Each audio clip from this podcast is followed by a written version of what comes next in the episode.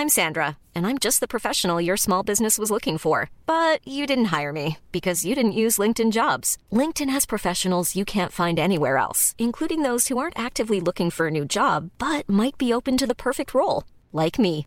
In a given month, over 70% of LinkedIn users don't visit other leading job sites. So if you're not looking on LinkedIn, you'll miss out on great candidates like Sandra. Start hiring professionals like a professional. Post your free job on linkedin.com/people today.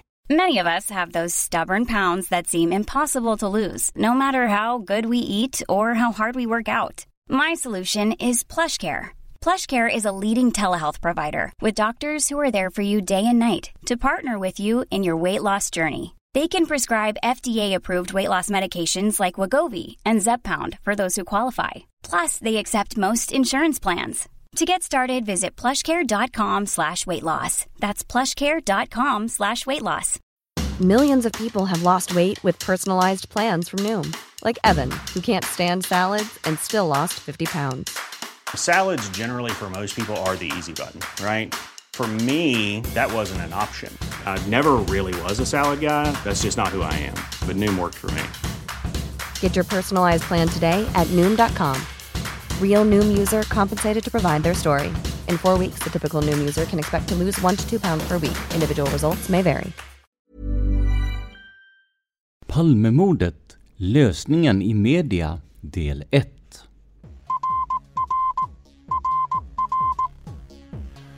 Sveriges statsminister Olof Palme är död. 90 000. Ja, det är mord på Sveavägen. Hörde de säger att det är Palme som är skjuten. Mordvapnet med säkerhet är en Smith Wesson, en revolver kaliber .357. Inte ett svar. Det finns inte ett svar.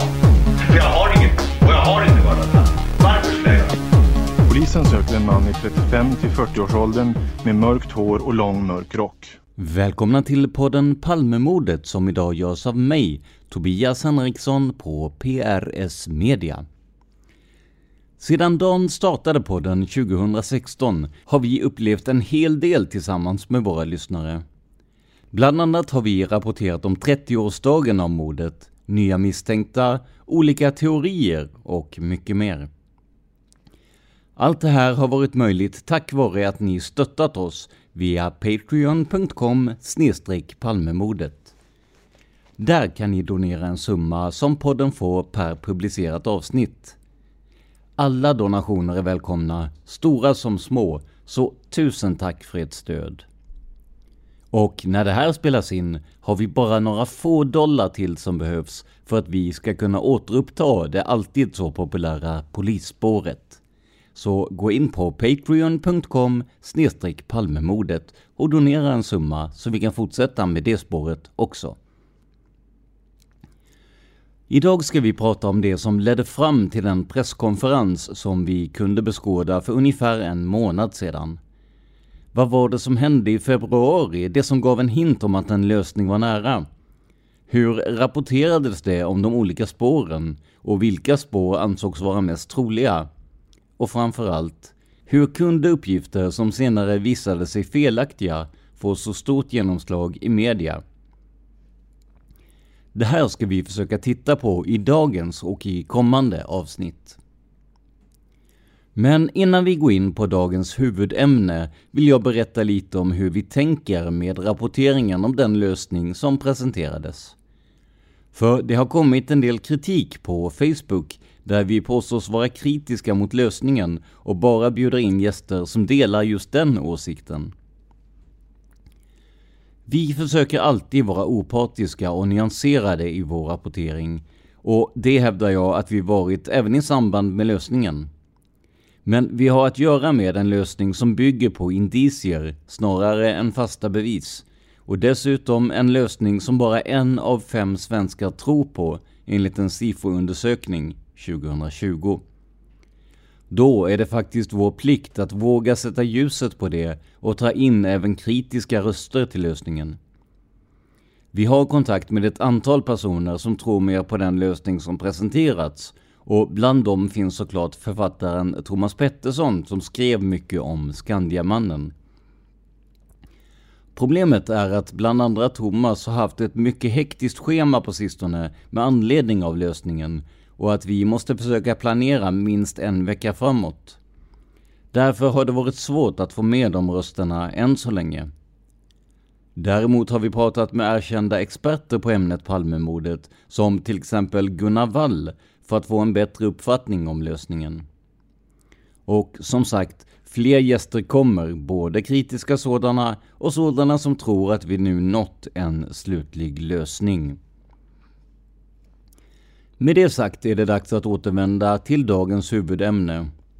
För vad var det egentligen som hände en dag i februari 2020 när SVT och Veckans Brott plötsligt kunde avslöja att åklagare Christer Petersson förberedde sig för att antingen åtala någon för Palmemordet eller lägga ner utredningen. För att få reda på detta har vi läst artiklar och också sett Veckans Brotts redaktionsavsnitt av programmet. I korthet ringde redaktionen upp Peterson för att få en kommentar om läget inför 34-årsdagen av mordet. Man ville också få åklagarens reaktion på Lars Borgnäs nya bok Olof Palmes sista steg. Istället fick man något helt annat. Peterson berättade att man hade som målsättning att det citat ska komma ett besked i åtalsfrågan om inte allt för lång tid. Slutcitat. Här satt Veckans brott på ett riktigt skop av ett slag som ingen journalist hade varit nära på lång tid. Mordet på Sveriges statsminister skulle faktiskt kunna vara på väg att lösas. I den här vevan valde man att fokusera mindre på Lars Borgnäs bok och istället lägga kraft på det Christer Petersson sagt, det vill säga att besked i åtalsfrågan skulle komma inom vad som senare visade sig vara ett halvår. Nu skedde saker och ting snabbt. Redaktionen bestämde sig för att försöka få till en filmad intervju med chefsåklagaren och lyckades också med det. I Veckans brott samma vecka kunde man därför spela upp intervjun i sin helhet. För att ni ska få en djupare inblick i hur tongångarna gick kommer vi att citera hela intervjun. Värt att notera är att Christer Petersson vid det här tillfället är avslappnad och synbart bekväm i situationen och inte alls uppvisade den defensiva position som kom att bli ett slags signum under presskonferensen. Hela intervjun börjar med att programledare Camilla Kvartoft och programmets producent Lasse Lampers samtalar om upptakten till skopet. Camilla vänder sig sedan mot kameran och säger citat. Ja, nu är det uppenbart att någonting är på gång. Chefsåklagare Christer Petersson, han har ju lett mordutredningen nu i tre års tid. Och jag träffade honom igår och han ger oss en exklusiv intervju där han berättar att mordutredningen nu är inne i ett nytt avgörande skede. Petersson. Jag tycker eh, vi arbetar nu med spår som är högintressanta och min målsättning är att vi under det första halvåret 2020, alltså första halvåret i år, kommer att kunna presentera antingen ett beslut i åtalsfrågan som går ut på att vi åtalar någon, eller att vi avslutar förundersökningen. Kvartoft, vad lutar det åt? Petersson, det kan jag inte säga just nu till dig. Jag skulle ju naturligtvis kunna säga det, men jag vill inte göra det, utan det får avvakta till lite längre fram under våren 2020. Men beslut i en eller annan riktning kommer att komma då. Kvartoft, men har ni kommit närmare en lösning på mordet på Olof Palme? Petersson, enligt min uppfattning, ja, det har vi gjort. Kvartoft, så då lutar det mot att ni faktiskt ska väcka åtal mot en misstänkt gärningsman? Petersson, det kommer jag inte att säga. Tolkningen är ju fri, men jag säger att vi kommer att fatta ett beslut i åtalsfrågan under våren. Kvartoft, men hur kan det vara en så antingen åtal eller att lägga ner hela förundersökningen? Petersson, det kan ju vara som så att vi kommit så långt som man kan begära utav oss och ytterligare utredning kommer inte att kunna ge någonting, så det är ju en möjlighet. Kvartoft, och vad skulle det innebära om man la ner hela förundersökningen? Petersson. Ja, det skulle ju i så fall innebära att då upplöses ju Palmegruppen och vi har ingen Palmeutredning som fortlever, utan då är det polisiära och åklagarledda arbetet avslutat. Kvartoft. Vet du idag om ni kommer besluta om ett åtal eller att lägga ner förundersökningen? Petersson. Ja, det vet jag, men det tänker jag inte tala om för dig eller för Veckans brott. Kvartoft. Det vore ju sensationellt om ni väckte åtal mot en mördare utav Sveriges statsminister 34 år efter själva mordet. Petersson. Ja, det vore sensationellt, det får man säga. Jag känner mig fortfarande säker på att vi ska kunna presentera vad det är som har hänt den 28 februari 1986. Kvartoft. Vad det är som har hänt? Hur då menar du? Petersson. Ja, kring mordet och vem som är ansvarig för mordet och hur det ligger till. Där slutar vi citera från intervjun med Christer Petersson som utfördes av Camilla Kvartoft på Veckans brott i SVT. Efter intervjun kommer vi tillbaka till studion där bland annat Olof Palmes efterträdare Ingvar Carlsson finns på plats. Karlsson säger bland annat att det varit plågsamt att inte få reda på vad som hände på Sveavägen den natten, men att det vore en stor framgång om åklagaren kunde skapa klarhet i det hela. Däremot säger Ingvar Carlsson att han inte förstår varför den här informationen släpps fyra månader innan tillkännagivandet ska göras. Hela intervjun och studioprogrammen hittar ni på svt.se veckans brott vid tiden för intervjun med Veckans brott var det framförallt två spår som dominerade, både hos utredningen och hos folk i allmänhet. Givetvis var det spåret Skandiamannen som blivit så uppmärksammat av Thomas Pettersson i magasinet Filters reportage och senare också i boken Den osannolika mördaren. Men det fanns också ett intresse för Sydafrika, förutom såklart en mängd andra mindre teorier med mer eller mindre substans i. Att Skandiamannen var intressant snappades såklart upp av tidningarna och så här skrev Expressen den 18 februari 2020. Citat. Mellan rubrik. Den så kallade Skandiamannen, det stora spåret. Uppgifterna kring den så kallade Skandiamannen Stig Engström som dog år 2000 är det senaste stora spåret i utredningen och avslöjades i magasinet Filter våren 2018. Journalisten Thomas Pettersson, som står bakom reportaget, säger att han fått uppgifter om att Palmeutredningen intensivt jobbat vidare med spåret. Han är själv en av de personer som vittnat i utredningen om Engström sedan utredarna inför publiceringen av hans reportage intresserat sig för de uppgifter han fått fram. Min bild är att det pågår en målmedveten utredning kring Engström och att nya förhör har hållits på senare tid. Thomas Pettersson säger under tisdagen till Expressen att det inte är bekräftat att åklagarens besked gäller Skandiamannen. Jag vet bara att utredningen jobbat målmedvetet och intensivt med Skandiamannen den senaste tiden.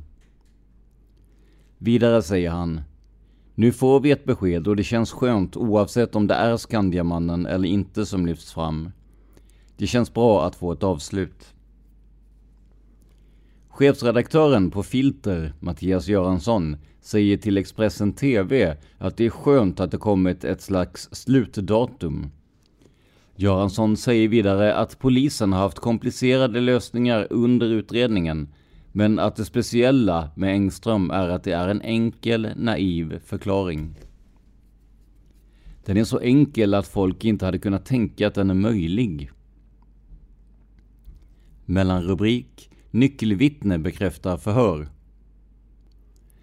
Expressen har varit i kontakt med ett nyckelvittne från mordplatsen som inte vill medverka med namn som bekräftar att denne förhörts under det senaste året.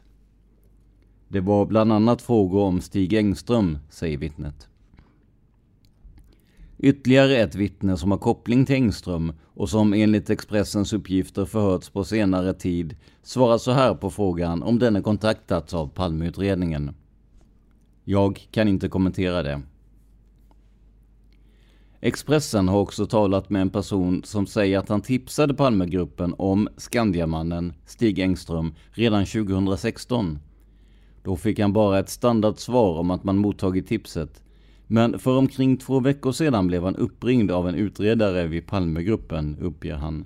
Han var nyfiken på vad jag trodde gällande om det var en ensam gärningsman eller om jag trodde att det fanns en konspiration av medgärningsmän. I slutet av 2016 hade han ett möte med Stig Engströms exfru. Hon har i medier sagt att hon inte tror att Stig Engström skulle vara kapabel till mordet.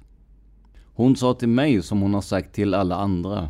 Skulle han ha gjort det skulle han ha gjort det från långt avstånd. Slutcitat Expressen. Redan här började det såklart också spekuleras i att den nu misstänkte var avliden, oavsett om det gällde Skandiamannen eller inte. Och rent statistiskt borde det vara så, för de flesta misstänkta för Palmemordet är idag döda. Det gäller bland annat personen som Hans Holmér kallade den galne österrikaren, Viktor Gunnarsson, Christer Pettersson, Christer A och såklart Stig Engström alias Skandiamannen. En av dem som tidigt gick ut med teorin om en avliden gärningsman var kriminologen Leif GW Persson. Han fick också medhåll av krönikörer och experter. I Expressens sammanställning visade det sig att Mårten Palme var försiktigt positiv till Skandiamannen som mördare. Och vi kommer att återkomma till det senare. Men först, hur skulle Stig Engström ha fått tillgång till vapnet som skulle ha dödat Olof Palme? Thomas Pettersson hittade en koppling till en vän och vapensamlare i sin bok. Och även utredningen tycks ha varit intresserad av den här personen. Så här skriver Expressen den 18 februari 2020. Citat. Rubrik. Vapensamlaren hade flera möjliga Palmevapen. Ingress.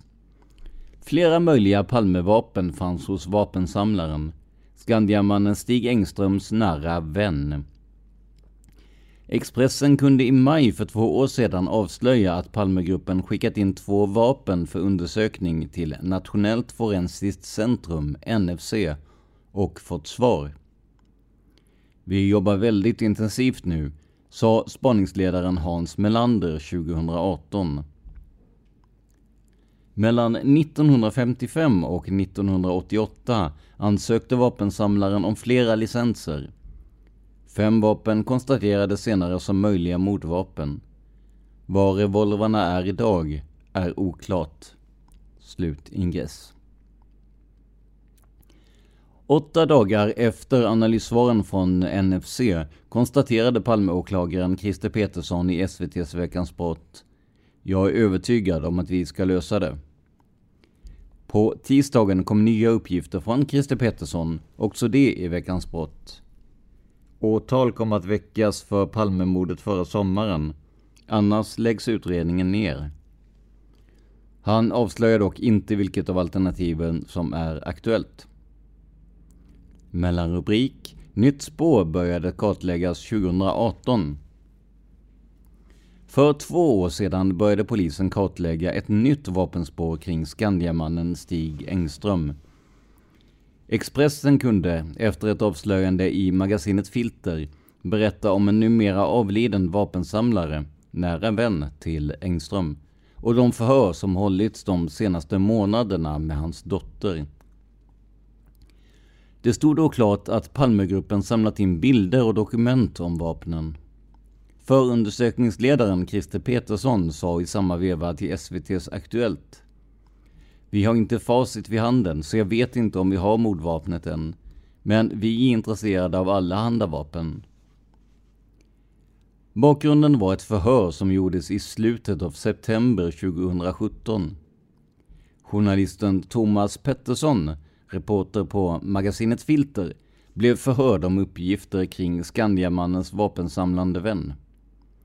Därefter har flera förhör hållits med exfrun, dottern till vapensamlaren och en tidigare säkerhetsansvarig vid Skandia. Expressen kunde samtidigt avslöja att Palmegruppen, sedan de fått vapenuppgifterna i september 2017, skickat in två vapen till Nationellt forensiskt centrum för undersökning. 15 december samma år kom nästa begäran om undersökning.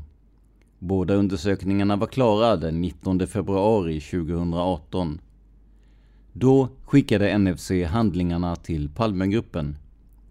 Handlingarna var betitlade Utlåtande vapen och NFC slutredovisning vapen till Palmegruppen. Vi kan inte kommentera på grund av förundersökningssekretess, förklarade Susanne Karlsson, pressansvarig på NFC. Mellanrubrik Fem av samlarens vapen kan vara mordvapnet. Expressen tog även 2018 del av en arkiverad lista som magasinet Filter först refererade till, som visar vilka vapen som Skandiamannens vän ansökt om licens för. Listan visar ansökningar för vapen mellan 1955 och 1988. Vapenexperten Anders Lexne var tidigare generalagent för Smith Wesson. Han har under åren flera gånger konsulterats av Palmegruppen. För Expressen pekade Anders Lexne ut vilka vapen på listan som är möjliga Palmevapen. Revolver 1, Smith Wesson, kaliber 38, licensansökning från november 1955, avsedd för målskjutning. Revolver 2, revolver kaliber .357, okänt fabrikat. Licensansökning från juni 1978, samlingsändamål. Revolver 3. Revolver kaliber .38, okänt fabrikat, licensansökan från september 1979, samlingsändamål. Revolver 4. Revolver kaliber .38, okänt fabrikat, licensansökan från maj 1979, samlingsändamål. Revolver 5. Revolver kaliber .38, okänt fabrikat, licensansökan från januari 1979, samlingsändamål. Smith Wesson 357 Magnum är mordvapnet som utredarna i alla år främst sökt efter. Men även kaliber 38 har varit av intresse, har både Palmegruppens tidigare vapenexpert Sonny Björk och Anders Lexne förklarat. Det går relativt enkelt att justera en 38 så att den fungerar med en 357 Magnum-patron. Mellanrubrik Vapensamlaren förde ut vapen till USA. Hi, I'm Daniel, founder of Pretty Litter. Cats and cat owners deserve better than any old-fashioned litter. That's why I teamed up with scientists and veterinarians to create Pretty Litter. Its innovative crystal formula has superior odor control and weighs up to 80% less than clay litter. Pretty Litter even monitors health by changing colors to help detect early signs of potential illness. It's the world's smartest kitty litter. Go to prettylitter.com and use code ACAST for 20% off your first order and a free cat toy. Terms and conditions apply. See site for details. How would you like to look five years younger? In a clinical study, people that had volume added with Juvederm Voluma XC in the cheeks perceived themselves as looking five years younger at six months after treatment. Look younger, feel like you. Add volume for lift and contour in the cheeks with Juvederm Voluma XC. Reverse signs of aging by adding volume to smooth laugh lines with Juvederm Volure XC. For important safety information and to find a licensed specialist, visit juvederm.com. That's J U V E D E R M.com. Not for people with severe allergic reactions, allergies to lidocaine, or the proteins used in Juvederm. Common side effects include injection site redness, swelling, pain, tenderness, firmness, lumps, bumps, bruising, discoloration, or itching. There's a risk of unintentional injection into a blood vessel, which can cause vision abnormalities, blindness, stroke, temporary scabs, or scarring. Talk to a licensed specialist to find out if it's right for you. I'm Sandra, and I'm just the professional your small business was looking for. But you didn't hire me because you didn't use LinkedIn jobs. LinkedIn has professionals you can't find anywhere else, including those who aren't actively looking for a new job but might be open to the perfect role, like me. In a given month, over 70% of LinkedIn users don't visit other leading job sites. So if you're not looking on LinkedIn, you'll miss out on great candidates like Sandra. Start hiring professionals like a professional. Post your free job on linkedin.com/people today. På listorna framgår även att vapensamlaren fört ut vapen till USA. Från april 1985 finns ett utförselbevis för en Smith Wesson revolver av kaliber 44 till citat Amerikas förenta stater slutcitat. Det framgår även att vapensamlaren sökt licens att förvara två gevär citat för utomlands bosatt persons räkning slutcitat. Det är oklart var revolvrarna finns idag. Vapensamlarens dotter har uppgett att runt 200 av pappans vapen sålts på auktion under de senaste åren. Vapensamlaren, numera avliden liksom Stig Engström, var enligt dottern närmaste vänner med Engström och hans fru. Dottern berättade i maj 2018 för Expressen att Palmeutredarna ställt många frågor kring detta. Minnena av Stig Engström under hennes barndomsår. De frågade vad jag mindes från den tiden. Stig Engström var familjens bästa vän tillsammans med sin fru. Vi umgicks mycket hemma hos oss eftersom de var barnlösa. Hennes far hade en koppling till det amerikanska flygvapnet. Han arbetade som tonåring som tullare. Han fick då kontakt med Air Transport Command, det amerikanska flygvapnets transportorganisation, där han arbetade som översättare. Han tolkade för Air Transport Command här i Sverige, men sen var han i USA under två år och fallskärmshoppade. Sen frågade jänkarna om han ville vara kvar i USA, men då hade han kommit in på en kadettutbildning och åkte hem. Sen har han även gjort lumpen som signalist, har dottern berättat. Mellan rubrik Skandiamannens fru, citat, inte hört av utredarna, slutcitat. När Expressen på tisdagen pratar med frun till Skandiamannen Stig Engström säger hon Jag har inte hört av utredarna på länge. Jag ville bara lägga det här bakom mig, men får se vad som händer nu då. Hon står fast vid att hennes man ej är mördaren. Det är omöjligt, det är fullständigt omöjligt. Under tisdagen pratade Expressen även med reportern på Filter, Thomas Pettersson. Han betonar först att det inte är bekräftat att åklagarens besked gäller Skandiamannen. Jag vet bara att utredningen jobbat målmedvetet och intensivt med Skandiamannen den senaste tiden, säger Thomas Pettersson. Nu får vi ett besked. Det känns skönt oavsett om det är Skandiamannen eller inte som lyfts fram. Det känns bra att få ett avslut. Där slutar vi citera Expressens artikel om vapensamlaren. Men redan den 14 april 2020 berättar Expressen ännu mer om vapensamlaren som nu blivit ett hett spår som leverantör till Skandiamannen. Citat. En person som kartlagts i detalj är Stig Engströms bäste vän, den så kallade vapensamlaren.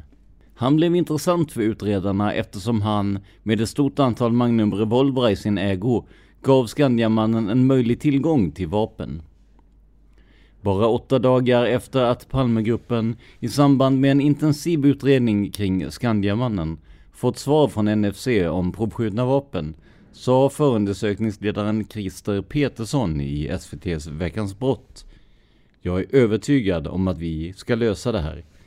Expressen har nu genom tidigare kollegor och vänner samt arkivuppgifter kartlagt vapensamlarens liv. Vi kan avslöja hans starka band till Israel och USA och nya detaljer om vapnen.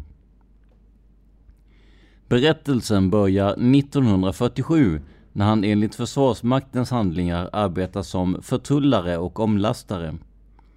I ett brev i samband med mönstringen skriver han att han även studerar aerodynamik, luftnavigation, citat, och en del andra ämnen i flygets tecken, slutcitat. Han fortsätter citat.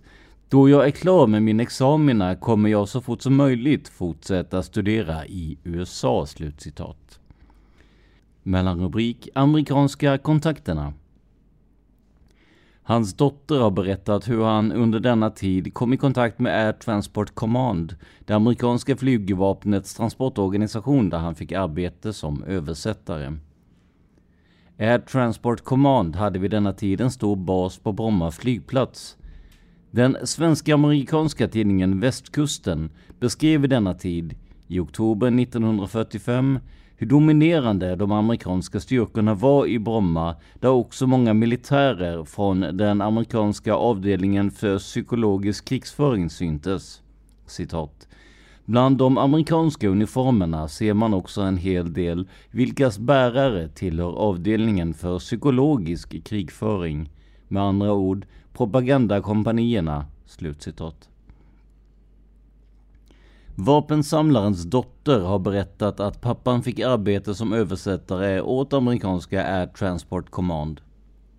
Han tolkade för Air Transport Command här i Sverige, men sen var han i USA under två år och fallskärmshoppade. Sen frågade jänkarna om han ville vara kvar i USA, men då hade han kommit in på en kadettutbildning och åkte hem. Expressen har tidigare avslöjat att Palmegruppen, samtidigt som utredningen kring vapensamlaren och Skandiamannen inleddes hösten 2017, skickat en begäran till svenska underrättelse och säkerhetstjänsten MUST. Mellanrubrik Begäran till säkerhetstjänsten. I samband med att utredningen kring Skandiamannen och hans vänner inleddes hösten 2017 skickade Palmegruppen en förfrågan till den militära underrättelse och säkerhetstjänsten MUST. Palmeåklagaren Christer Petersson skickade begäran, märkt som hemlig, den 26 september och endast nedanstående innehåll har offentliggjorts. Citat. Förfrågan till MUST med anledning av bearbetning av uppslag i utredningen om mordet på Olof Palme. Slutcitat. Nytt citat. Som förundersökningsledare i utredningen om mordet på statsminister Olof Palme har jag följande förfrågan, begäran, till den militära underrättelse och säkerhetstjänsten. Slut citat. Mellanrubrik Tjänsteman som blev direktör. Vapensamlarens liv kom att präglas av relationen till USA, där han med tiden fick inflytelserika affärskontakter. I en tidigare intervju med magasinet Filter har dottern berättat om hans starka relation till USA. Han var så proamerikansk så det nästan var töntigt. Vietnamkriget var jättebra. Även när USA föll i popularitet höll han fast vid att allt amerikanerna gjorde var rätt. Han var verkligen true blue. I tonåren hade han, enligt ett brev inför mönstringen, planer på att bli journalist, men kom med åren istället att bli tjänsteman. I en bröllopsannons på 1940-talet framgår att han var tjänsteman vid AGA. Med tiden gjorde han karriär inom näringslivet och blev med titeln direktör chef för ett företag som exporterade skogsprodukter. En årsredovisning visar att företaget 1989 omsatte 28 miljoner kronor och ägnade sig åt försäljning av skogsprodukter citat till transoceana marknader. Slutcitat. Företaget köptes upp av ett större företag inom samma bransch i Göteborg, men vapensamlaren fortsatte att verka från Stockholm. Expressen har intervjuat flera av hans dåvarande direktörskollegor. Enligt dessa personer, chefer inom samma företag, åkte han regelbundet till Göteborg för exempelvis styrelsemöten men skötte verksamheten på egen hand från Stockholm. Vapensamlaren hade enligt direktörsvännerna ett omfattande internationellt kontaktnät. Han hade affärsvänner i främst Israel och USA. Bland annat hade han enligt tidigare kollegorna genom en agentur ensamrätt på affärerna med ett stort amerikanskt företag inom pappersmassa. Han var en eh, väldigt viktig person inom företaget eftersom han satt på alla de här internationella kontakterna med främst USA. Det handlade om trading med pappersmassa där han styrde upp affärer mellan internationella aktörer, säger en tidigare direktör inom företaget. Direktörskollegorna beskriver att han gjorde regelbundna resor till bland annat USA och Israel. Han hade en särskild relation till Israel. Mellan rubrik udda och speciell sagt som citat. Eftersom företaget under de senare åren var baserat i Göteborg men vapensamlaren skötte sina affärer från Stockholm var det få av kollegorna som kände honom privat. Han var lite udda och speciell. Jag vill minnas att han var intresserad av jakt och fick någon jaktresa i present på sin avslutningsfest, säger en affärsman i Göteborg som arbetade inom företaget. Två av direktörsvännerna minns att han pratade om sitt vapenintresse och att han hade en privat skjutbana i källaren. En uppgift som också bekräftas av en tredje person med koppling till vapensamlaren. Ja, det var ju känt med hans vapenintresse. Han hade en egen skjutbana nere i källaren, men vad jag vet är det få som satt sin fot där. Det är dock oklart om de minns rätt. Vapensamlarens dotter avfärdar helt uppgiften om en skjutbana och menar att det endast handlar om ett vapenrum. Vilket skämt! Nej, det är inte sant. Vi hade en stor källare med pool och så, så det fanns ju i teorin plats. Men den enda yta som var dedikerad till fars intresse var vapenrummet. Och det var och är litet. Dessutom ligger ju huset mitt i ett villaområde. Hur mycket ljudisolering skulle inte behövts? Om pappans näringslivskarriär berättar hon. Far var VD från mitten av 1960-talet till sin pension i mitten eller slutet av 1990-talet. Om hans internationella kontakter och affärsresor säger hon. Det var affärsresor till både USA och Israel och andra länder också. En person som besökt honom i hemmet vittnar också om en stor internationell samling med militära uniformer som han hade i en garderob i källaren. Samma person berättar att han även privat hade en militär stil. Han var vältränad och var ofta klädd i kakifärgade kläder. I källaren i ett vapenrum som ska ha varit låst hade han också sin stora vapensamling. Dottern har tidigare berättat att samlingen bestod av 200, kanske fler, vapen. Idag säger hon de flesta av fars vapen var antika och inget som han sköt med. Undantaget var de vapen han använde inom hemvärnet och de var bara inlåsta hemma, aldrig synliga eller lekta med. Där slutar vi citera artikeln om vapensamlaren från Expressen i april 2020. Innan vi knyter ihop säcken idag ska vi kolla på några av de utredningsmetoder som polisen tog till för att utröna om Skandiamannen var intressant i utredningen. Så här skriver Expressen om det här den 28 april 2020. Rubriken lyder Skandiamannens släkt DNA-testad av polisen. Citat. Ingress. Inom två månader ska polisen presentera en lösning på Palmemordet. Polisen har under våren förhört och låtit DNA-testa fyra av Engströms nära släktingar i södra Sverige, vilket Aftonbladet var först med att rapportera om. De tycker att detta är väldigt besvärande eftersom de tyckte att Stig var en förtjusande, snäll och vänlig person, säger Stig Engströms svägerska till Expressen. Palmegruppen skickade en begäran till Rättsmedicinalverket som nu meddelar att de inte har gjort en analys och att ärendet hos dem är avslutat. Slutingress. Stig Engström lämnade sin arbetsplats på Sveavägen klockan 23.19. Två minuter senare, strax intill, sköts Sveriges statsminister Olof Palme till döds. Enligt andra vittnesuppgifter ljög han i förhör om vad han gjort på mordplatsen och han liknade en person som några av vittnena pekat ut som mördaren. Detta är några av de uppgifter som gjort att polisens Palmegrupp sedan hösten 2017 i samband med ett reportage i tidningen Filter på nytt intresserat sig för Stig Engström, känd som Skandiamannen. Bland annat har ett stort antal förhör, åtminstone ett tiotal kända förhör, hållits kring Engström där polisen bland annat undersökt hans eventuella kopplingar till olika Palmekritiska organisationer. Fyra släktingar till Stig Engström förhördes tidigare denna vår. Mellanrubrik DNA-topsningar. Förhören skedde genom besök av utredare från Palmegruppen som på plats förhörde släktingar i södra Sverige. Enligt uppgift till Expressen ska syftet med förhören varit att ta DNA-tester, att genomföra så kallad topsning av släktingarna till den sedan år 2000 avlidne Stig Engström. En begäran från Palmegruppen skickades in till Rättsmedicinalverkets avdelning för rättsgenetik i Linköping den 13 mars i år, bekräftar Johan Ram, kommunikationschef vid RMV. Han bekräftar också att ärendet hos dem är avslutat. Det jag kan säga är att vi inte har genomfört någon analys och att ärendet är avslutat hos oss.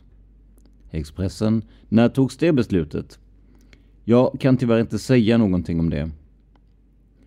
Johan Ram vill inte gå in närmare på fallet som rör den begäran från Palmegruppen, men säger generellt att en begäran kan ändras av polisen. Vi får ett uppdrag från polisen att genomföra olika typer av analyser och sedan är det de som styr vilka som ska genomföras och inte genomföras. Det är de som äger själva ärendet, säger han.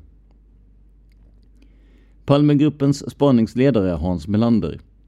Det är förundersökningssekretess så jag kan inte kommentera det överhuvudtaget.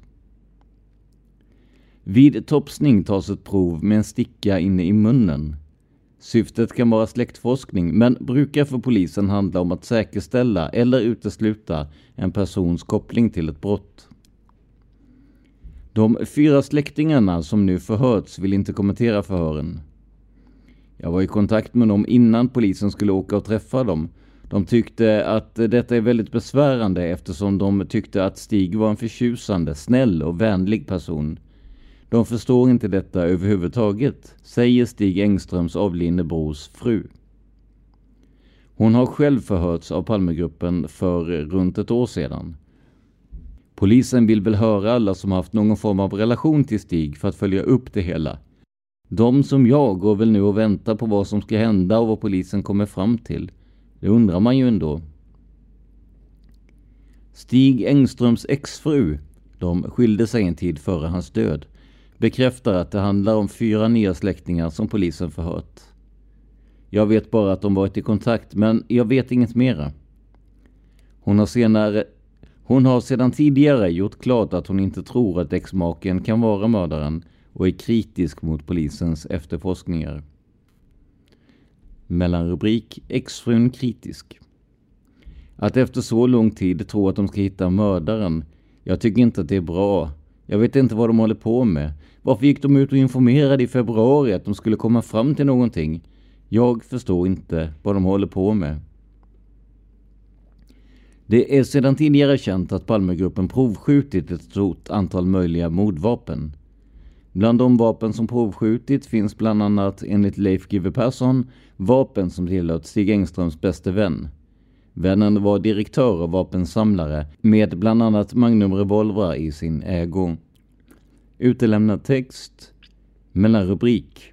Okänt vad de nya testerna ska jämföras mot.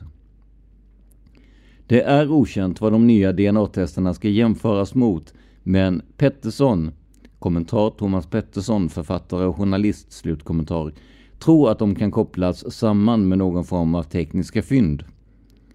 Man kan anta att man hämtar DNA från släkten för att om möjligt få en matchning, kanske mot ett vapen, ammunition eller mot Palmes rock. Ytterligare en möjlighet, enligt Pettersson, är den handledsväska som Engström bar i samband med mordet och som är försvunnen. Det kan också handla om Engströms handledsväska om det exempelvis fanns krutrester på den. Den svenska polisen har under de senaste åren gjort framsteg inom DNA-analyser. En lagändring nyligen ökade polisens möjlighet att göra utvidgade så kallade familjesökningar. Ett exempel är den så kallade Bildalsmannen i Göteborg som avslöjades och dömdes 24 år efter en barnvåldtäkt sedan polisen spårat upp honom genom en släktings DNA. Palmeåklagaren Christer Petersson har i tidigare intervjuer utlovat någon form av lösning på Palmemordet under det första halvåret i år. Jag är positiv till att kunna presentera vad som hänt kring mordet och vem som är ansvarig för det, sa han till SVT i februari. Där slutar vi citera Expressens artikel från den 28 april 2020 skriven av Claes Pettersson. I nästa avsnitt av Lösningen i media kommer vi att titta närmare på vad vittnena och de närmast berörda säger om Stig Engström. Men vi kommer också att ta upp andra spår som var på tapeten strax innan lösningen tillkännagavs. Kommentera gärna dagens avsnitt på facebook.com palmemordet där Dan och jag också besvarar frågor om själva podden. Det här var veckans avsnitt av podden Palmemordet som idag gjordes av mig, Tobias Henriksson på PRS Media. För mer information om mig och mina projekt besök facebook.com prsmedia.se eller gilla oss på Instagram där vi heter prsmedia, Ett ord, små bokstäver.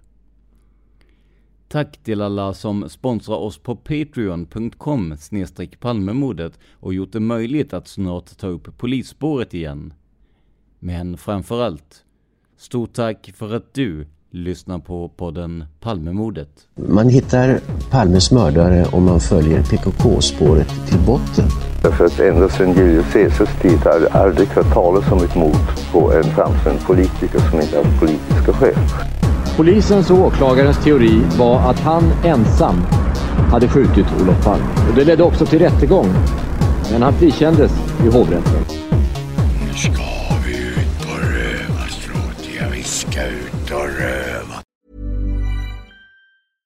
Want flexibility? Take yoga. Want flexibility with your health insurance? Check out United Healthcare Insurance Plans. Underwritten by Golden Rule Insurance Company, they offer flexible, budget friendly medical, dental, and vision coverage that may be right for you. More at uh1.com. Planning for your next trip? Elevate your travel style with Quince. Quince has all the jet setting essentials you'll want for your next getaway, like European linen, premium luggage options, buttery soft Italian leather bags, and so much more. And is all priced at 50 to 80% less than similar brands. Plus, Quince only works with factories that use safe and ethical manufacturing practices. Pack your bags with high-quality essentials you'll be wearing for vacations to come with Quince. Go to quince.com/pack for free shipping and 365-day returns. Planning for your next trip?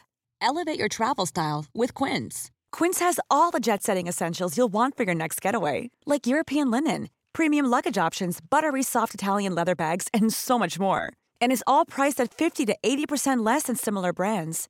Plus, Quince only works with factories that use safe and ethical manufacturing practices. Pack your bags with high-quality essentials you'll be wearing for vacations to come with Quince. Go to quince.com/pack for free shipping and 365-day returns.